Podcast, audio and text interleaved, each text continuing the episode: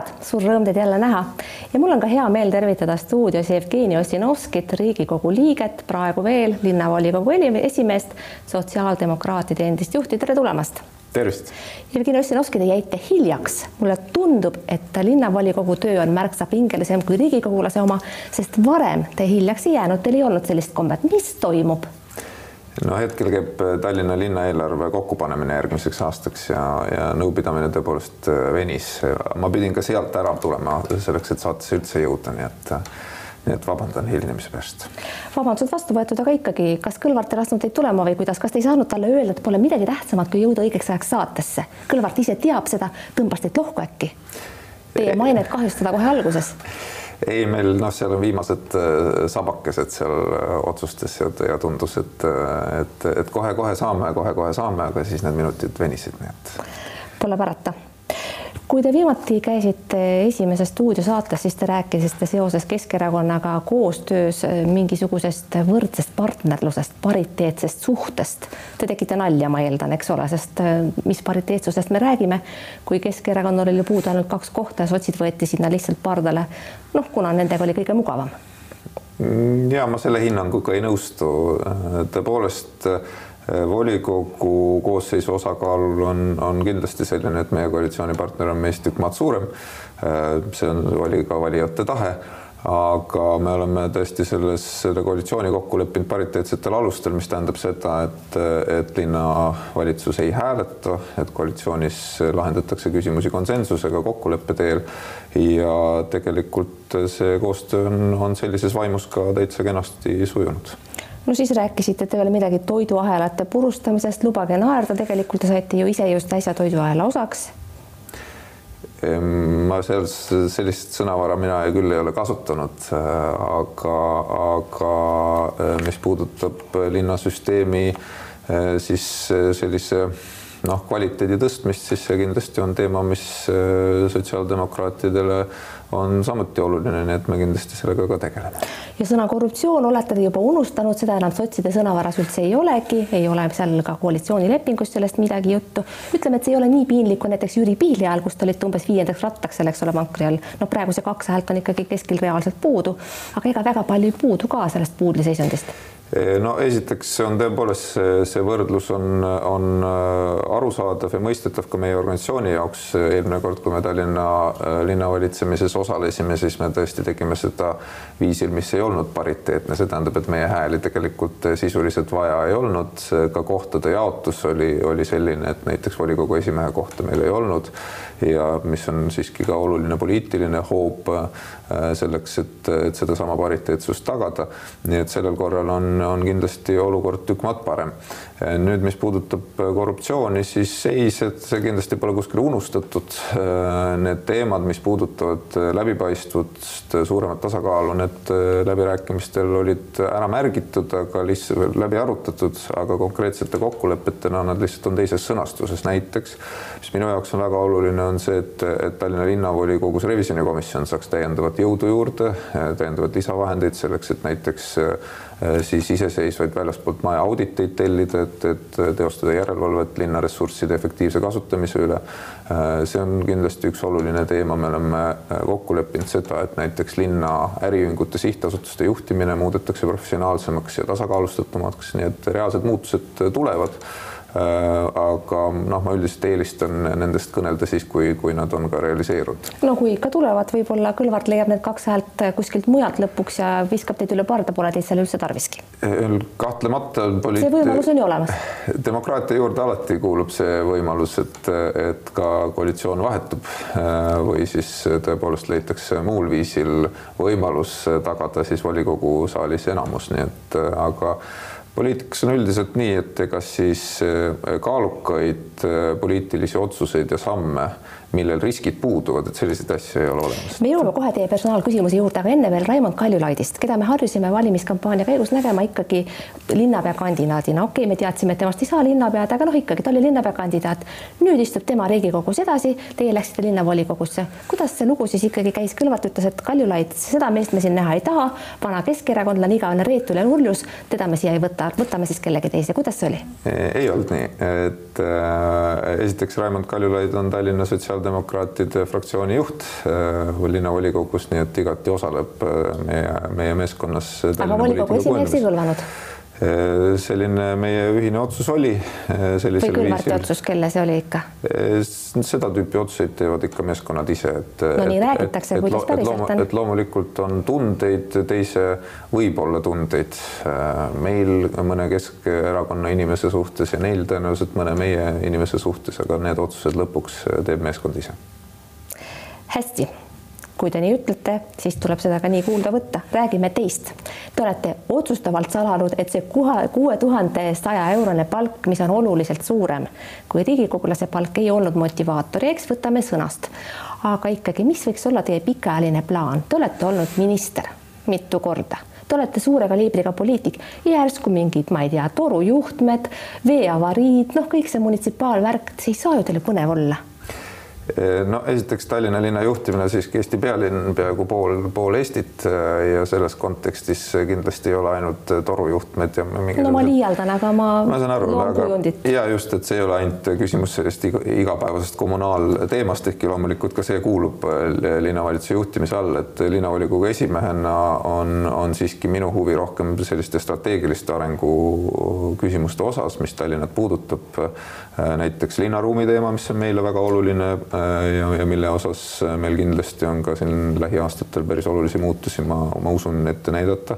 Äh, kliimaküsimused, keskkonnaküsimused, mis mulle isiklikult on väga olulised, olles kaks aastat ka keskkonnakomisjonis Riigikogus töötanud, et siin tegelikult seda praktilist rohepööret äh, rakendada.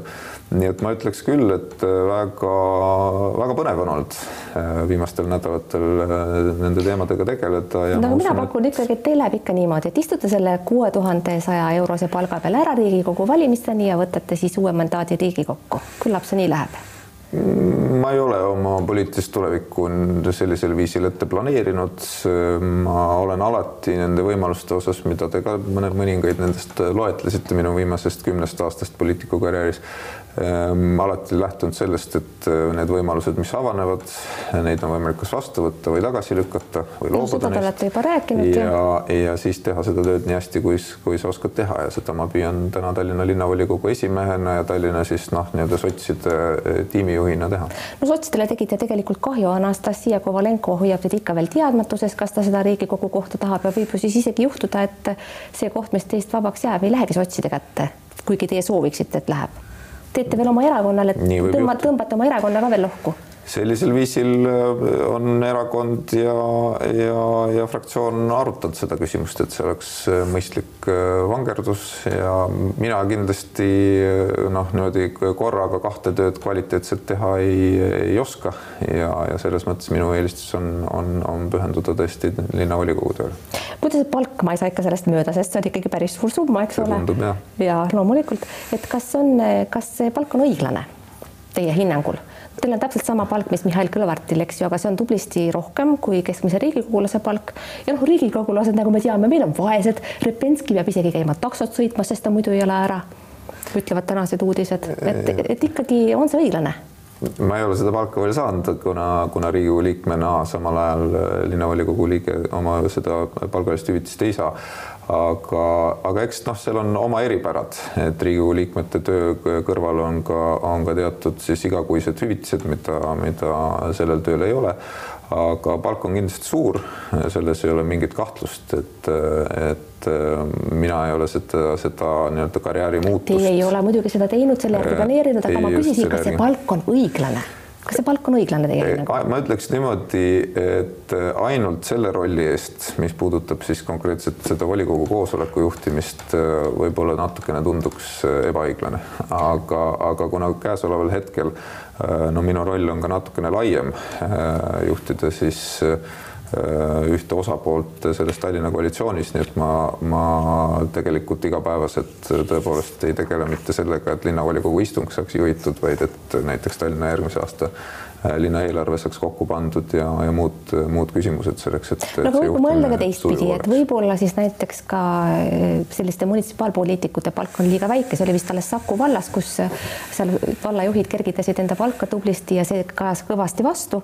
aga võib-olla on neil õigus, kui nad leiavad, et nad tegelikult näiteks erasektoris saaksid kõrgemat palka ja võib-olla vääriksid üldse valdade, linnade juhid kõrgemaid palku ja samamoodi ka riigikogulased, kes no ikkagi peavad juba käima taksot sõitmas, nälg on majas noh, avalik teenistus on, on natuke teistsugune asi ja selles mõttes mina ei usu ja ei arva, et, et süsteem peaks olema üles ehitatud niimoodi, et konkureerida erasektori tippkohtadega.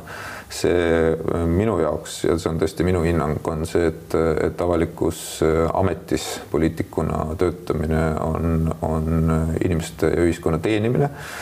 seda tuleb loomulikult ka rahaliselt hüvitada ja seda ei, ei pea tegema tasuta, aga arvata, et, et sellega on võimalik, ma ei tea, saada rikkaks Äh, et äh, ma arvan, et see ei ole kindlasti õige siht, nii et kui küsida, et kas mina peaksin, pean kuidagi poliitiliselt või Eesti ühiskonna oluliseks küsimuseks seda, et poliitikud saavad vähe palka, ei, ma ei, ma ei arva, et see on Eesti arengu üks prioriteetsemaid. no mis teil viga rääkida, tulite just Riigikogu palga pealt äh, oluliselt kõrgema palga peale, aga jätame selle rahakoti praegu rahule. räägime ka sellest, et Mihhail Kõlvarti meeskond nüüd siis uued abilinnapead on kõik vene nimega ja mõned, mõned siin Eesti poliitikud, näiteks Jürgen Ligi ei saa sellel teemal absoluutselt rahu, see rikub tema närve hommikust õhtuni ja näiteks ka Postimehe peatoimetaja on erakordselt rahutu sellel teemal.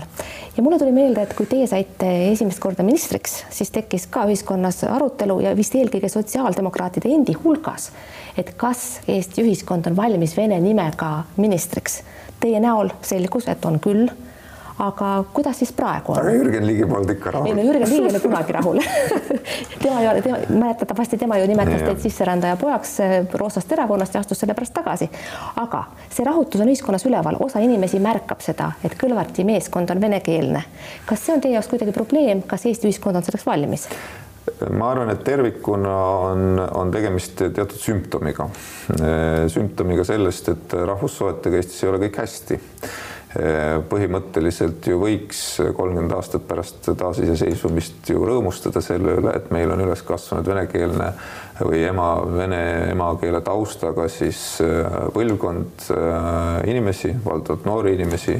uus äh, Tallinna linnavalitsuse kabinet on ajaloo noorim linnapea on nendest kõige vanem ja on ka noor, noor inimene, kes siis tõepoolest valdavad väga hästi eesti keelt, on, on täiesti Eesti ühiskonda integreeritud ja, ja loomulikult on, on võimelised täitma ka, ka kõrgeid avalikke ameteid Ehm, noh, tegelikult ju nende inimeste eesti keele oskus kellelgi mingit kahtlust ei ole, mingisugust sisulist probleemi nende töötamisel ei ole. no Kõlvarti aga... eesti keel on natuke halvem kui teie oma, aga siiski väga hea, eks ole jah, siin on küsitud, et kas linnavalitsuse istungid või seal arutelud toimuvad, mis keeles nad toimuvad, eesti keeles eesti toimuvad, toimuvad., täiesti korrektses, ilusas eesti keeles.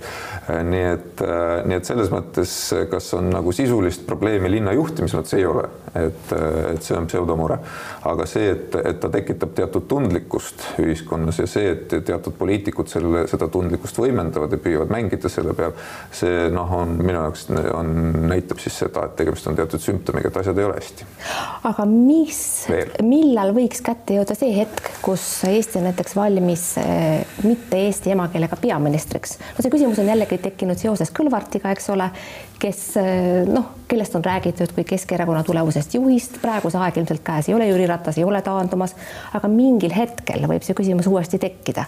ja kui inimestega rääkida, siis päris paljud ütlevad, et ei, et see aeg ei ole käes, see ei ole võimalik Eestis. samas teie saite olla minister, meil on olnud naissoost nice president, naissoost peaminister on meil praegu, naised ja venelased on ühes kategoorias, eks ole.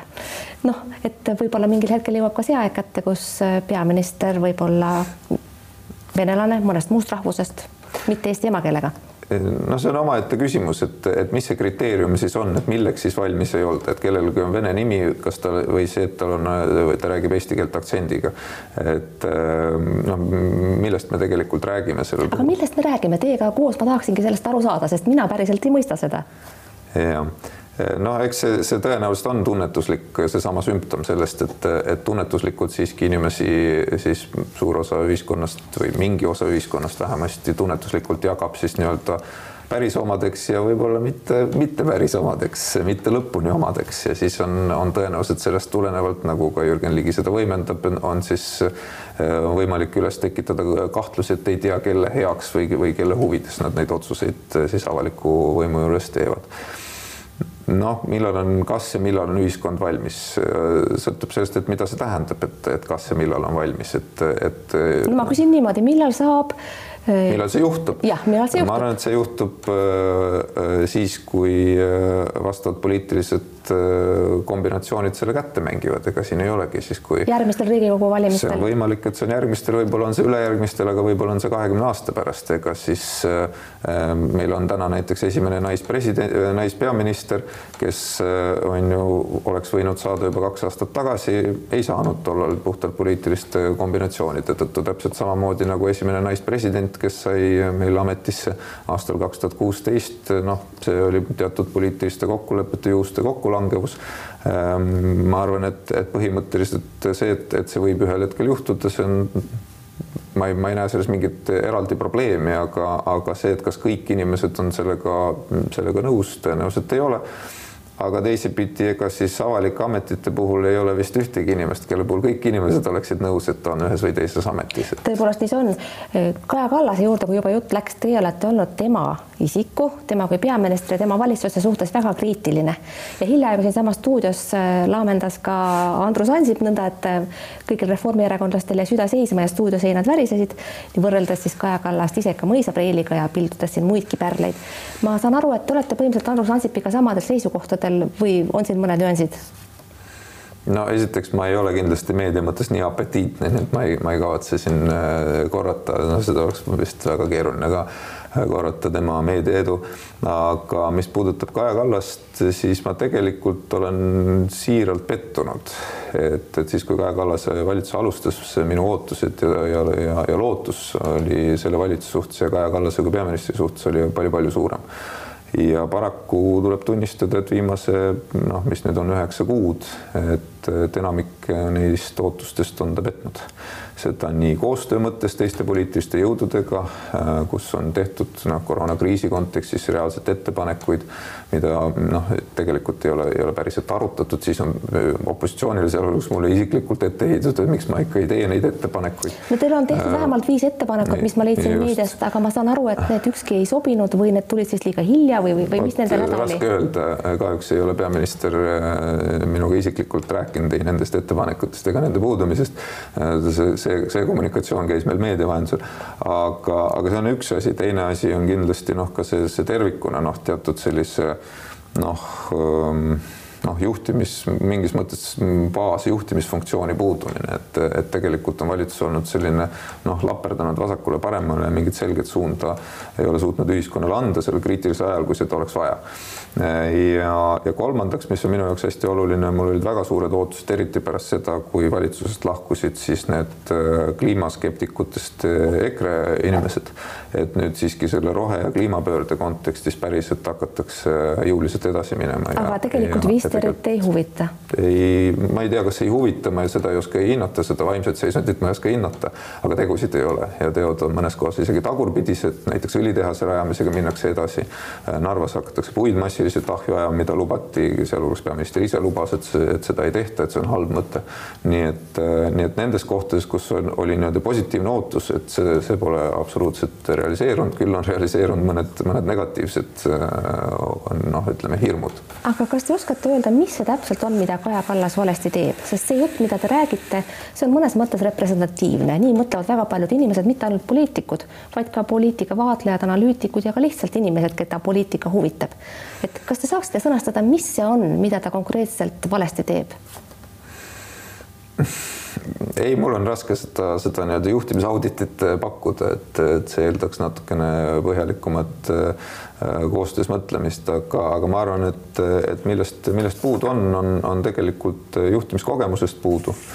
Äh, see on mingil viisil mõistetav, Kaja Kallasel ei olnud ju ministrikogemust enne seda aga ausalt öeldes noh, üheksa kuud on möödas, et Jüri Ratas tuli ka peaministriks ilma igasuguse tegevjuhtimisoskuseta. aga teate, ma tuletan teile meelde, Jüri Ratas, Jüri Ratase esimene aasta, see oli ikkagi, see oli ikkagi täiesti kohutav omavahel öeldes. ma nägin seda kõrvalt väga lähedalt Eks ja kindlasti ole? see õppimiskõver oli väga järsk, aga siiski mingil hetkel tekkis see noh, nii-öelda kindlam jalg, jalgealune sealhulgas. umbes aastaga tekkis jah, nii et loomulikult on, on võimalik, et asi paraneb, aga küsimus on, et milles on, on praegu puudu olnud, et, et ilmselgelt on kogemusest puudu olnud ja tundub, et on olnud puudu ka sellisest kogenud meeskonnast, kes tegelikult noh, nendele vigadele tähelepanu juhiks ja, ja, ja siis vigade parandusele suunaks.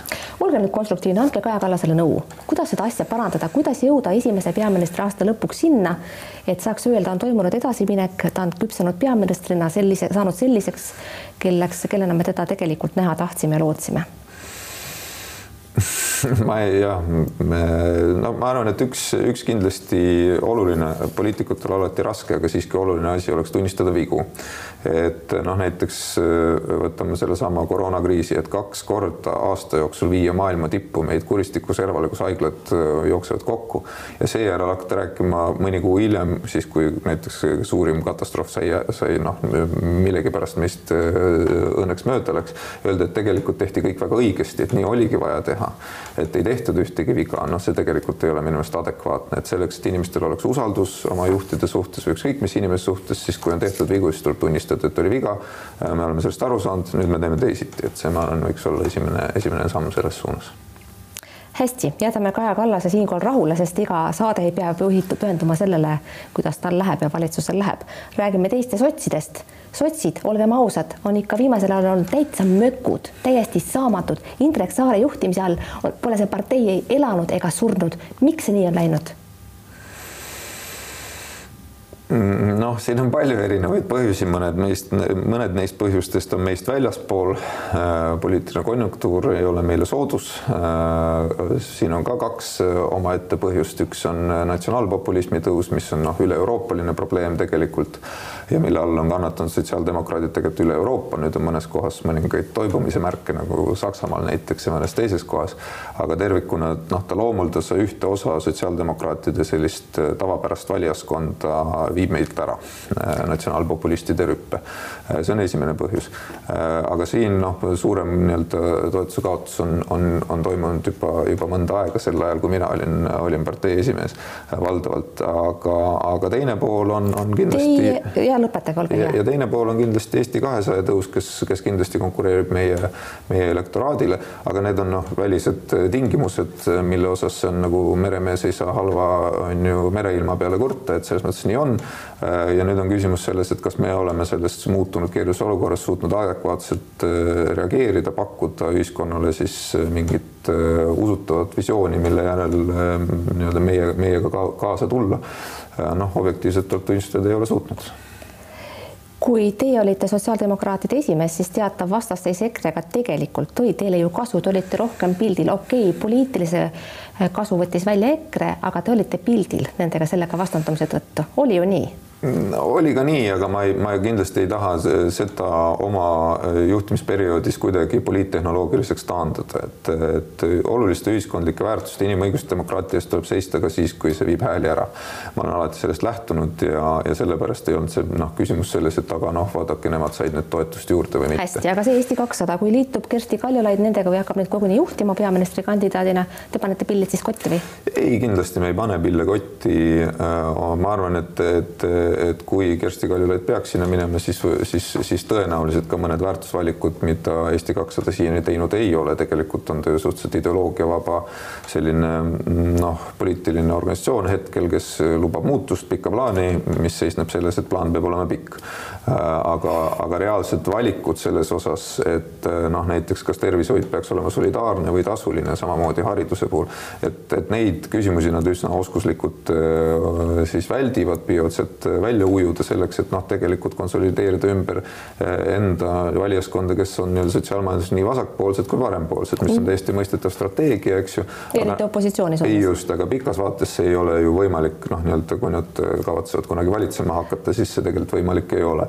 ja, ja noh, hetkel, kui ma usun, et kuni järgmiste Riigikogu valimisteni on see üks, üks teema kindlasti nii neil kui ka kõikidel teistel noh, ära selgitada seda, et, et kus nad siis täpselt asuvad ja missugust väärtuspakkumist nad ühiskonnale teevad. ma ütlen päris ausalt peale selle, et seal on palju toredaid inimesi ja paljusid neist ma tunnen ja mul on hea meel, et, et nad on poliitiliselt aktiivsed, et poliitilise jõuna nende lisandväärtus äh, päris nagu riigijuhtimise mingi keeruliste strateegiliste küsimuste lahendamisel minu jaoks on jäänud selgusetuks, et ma, ma ei näe üheski teemas, millest, millest nad kõnelevad, et neil tegelikult oleks mingisugust noh, fundamentaalset ja põhimõttelist uut lähenemist, mida oleks võimalik äh, rakendada. Ja mõnes, ja mõnes teemas me oleme nendega ühte meelt, mis puudutab näiteks koosõppiva koolimudeli arendamist, Kristina Kallasega ja nii edasi, aga, aga tervikuna kui poliitiline jõud minu jaoks on jäänud ideoloogiliselt väga ebamääraseks. hästi, aga räägime sotsidest, räägime Indrek Saarest, ma nimetasin teda mökuks ja ma jään selle juurde. miks, miks ta nii kangesti erakonna juhiks saada tahtis, kui ta sellel kohal midagi ei tee, erakond ei paista silma nagu ei ela ega sure, nagu ma enne ütlesin. no ma arvan, et kui te tahate äh, Indrek Saarega rääkida, siis tasub ta saatesse kutsuda ja, ja temaga loomulikult kõneleda sellest, et mida ta on teinud erakonna esimene, mida ta teinud ei ole Äh, et äh, noh, iga erakonna esimees tegelikult teeb ikka palju tööd, seda ma võin kinnitada, ükskõik, kas nad on oma töös edukad või mitte. aga tõsi on see, et, et objektiivne reaalsus on see, et, et sotsiaaldemokraatide seis on täna kehv no ikka ja, näitasin arunema, ütleksin. ja, ja aasta enne Riigikogu valimisi loomulikult, kui me valime endale uut esimeest, siis, siis ülesanne on tegelikult erakond viia palju paremasse vormi, kui ta täna on. no Saar ütles, et ta, ta ei kandideeri, kui kandideerivad näiteks Sikkut ja, ja Läänemets, kelle poolt teie hääletate? Mm, no minu toetus on olnud Riina Sikkutile pikka aega. Äh, ja, aga ma arvan, et, et tervikuna erakonna äh, nii-öelda tulevikku vaadates ei ole ainult nii-öelda juhi persooni küsimus. see on ka. see on siiski väga tähtis. see on väga tähtis kahtlematult. Ähm, aga, aga lisaks sellele on natukene küsimus ka selles või päris palju siiski küsimus ka selles, et mis, mis lugu on see väärtuspakkumine, nagu ma seda nimetan, mis -hmm. mis, mis see asi on, mida me Eesti inimestele pakume. aga mis, mis see asi on, ma sotside puhul juba väga ammu sellest aru ei saa ma tõesti ei saa aru. no vot, siin ongi ähm, meie juhi kandidaatidel, vähemasti need, kes täna on, on väljaannast käinud, on natukene erinev äh, nägemus. aga mis osas, teie mis meelest on... peaks olema see, see üks asi, see suur asi, millest sotsid seisavad, sest praegu nad ei seisa mitte millegi eest. Äh, minu jaoks on see üks suur asi kaheosaline, ma olen selle, selle ise kunagi äh, välja ära sõnastanud ja ma arvan, et, et sotsiaaldemokraatide fundamentaalne nii-öelda mingi ideoloogia ei vaja värskendamist ja ma olen selle kokku võtnud kahe sõnaga vabadused ja võimalused. ja see tähendab seda, et ühtepidi sotsiaaldemokraadid seisavad selle eest, et kõigil läheks ühiskonnas paremini, see tähendab seda, et me peame võrdsemaid võimalusi tagama aktiivselt hariduses, tervishoius, erinevates teistes valdkondades. Ja teiselt poolt see tähendab siis tõepoolest noh, inimeste õigust olla tema ise, mis inim-, tähendab inimõiguste kaitset, ka vähemuste kaitset loomulikult enamuse vastu, kui vähemuse kallale kiputakse, nii et minu jaoks on see sotsiaaldemokraatia tuum väga selge ja lihtne. hästi, aga miks te ise ei kandideeri? minu panus on selles rollis on, on antud, et ma arvan, et erakonnad. aga miks te nii ütlete, miks ei peaks nii olema? ma arvan, et erakonnad noh, mitme teise erakonna puhul ka seal juba mainitud härra Ansipi poole, et kui Kaja Kallasel on halvasti läinud, et siis öelda, et tuleb Ansip ikka tagasi tuua niimoodi. et, et see erakonna. et Ossinovskit ei tule mingil juhul tagasi et, tuua. et oli erakonna liikmeskonna seas ka ja avalikkus noh, kui, kui seda tüüpi hetkedel tihti tahetakse minevikku vaadata, et otsime sealt minevikust mõne inimese, kes ühes või teises asjas arvatakse, oli parem näiteks et mina alati olen olnud seda meelt, et, et edasi saab, et minna saab ikka ainult edasi, et, et uh, uued inimesed peavad uue energiaga tulema. hästi, kui Ossinovski kirjutab ennast selles suhtes juba minevikku, siis pole midagi parata, minu meelest on see muidugi vale tema poolt, aga olgu. sellisel juhul. selles rollis, selles rollis. hästi, aga sellisel juhul on sotsiaaldemokraatidel ju tegelikult ainult üks võimalus, sellel on ka nimi, te võite selle nime ise välja öelda. ei, ma ei arva, et see on ainult üks võimalus, miks nii arvate? ma pean silmas Marina Kaljuranda presidendikandidaat, kellel oli suur toetus, keda teatakse, Europarlamendi liige, kes tooks enda taha ka nende inimeste toetuse, kellele, kellele muidu sotside peale üldse pilk ei jäägi. olete valmis Marina Kaljuranda nõusse rääkima? Marina Kaljurannaga on ju neid vestlusi peetud. no ja me kõik teame, mis ta tavaliselt ütleb. just, et, et inimene hetkel on keskendunud oma mandaadile Euroopa Parlamendis kui tal peaks äh, need mõtted muutuma ja ta tõepoolest äh, tärkab see huvi sisepoliitika vastu, siis ma arvan, et ta on kindlasti. ei no mis tärkab, seda huvi tuleb teil aktiivselt tekitada, kui te tahate, et sotsid välja ei sureks. mis ma, teie panus on? ma võin öelda, et on inimesi, kes on sellel teemal ka, ka temaga vestelnud. aga see ei ole te, teie mitte? et hetkel, hetkel mulle tundub, et, et seda soovi temas ei ole see kõlab küll päris kehvasti, aga siia peame ka saate lõpetama. viimaseks üks vaataja küsimus ka, muide vaatajad saavad esitada Facebookis küsimusi ja e, mis te arvate, millega te kõige paremini meeles olete Eesti avalikkusel sellest ajast, kui te veel minister olite? Mm, kõrgema viina hinnaga. no just nimelt ja küsimus oleks siis selline, mis see teid kotib, kui palju keegi joob, see on vaataja küsimus, mitte minu sõnastus ei, mind isiklikult ei koti, kui kasutada sedasama sõnastust. küsimus on selles, et selles samas vabadustes ja võimalustes ja tegelikult on riigi kohustus kaitsta teisi nende kahjude eest, mis alkohol Eesti ühiskonnas toob, on need uppumissurmad, tulesurmad, liiklusõnnetused, koduvägivald, kõik alkoholikahjud on ju tegelikult valdavalt mitte inimese enda, äh, ennast puudutavad, ehkki ka tervist kahjustavad muidugi, vaid just nimelt ühiskondlikud ja sellepärast ühiskond siin peab sekkuma, see on olnud äh, minu põhimõtteline arusaam koos kogu Sotsiaalministeeriumi tõenduspõhise meeskonnaga, kes seda poliitikat välja töötasid Jevgeni Ossinovski suur,, suur-suur tänu teile, et tulite saatesse minuga juttu ajama, head sõbrad. aitäh teile, et te vaatasite, vaadake teinekord ikka jälle. olge vahepeal terved, rõõmsad ja tublid. Kuulmiseni, nägemiseni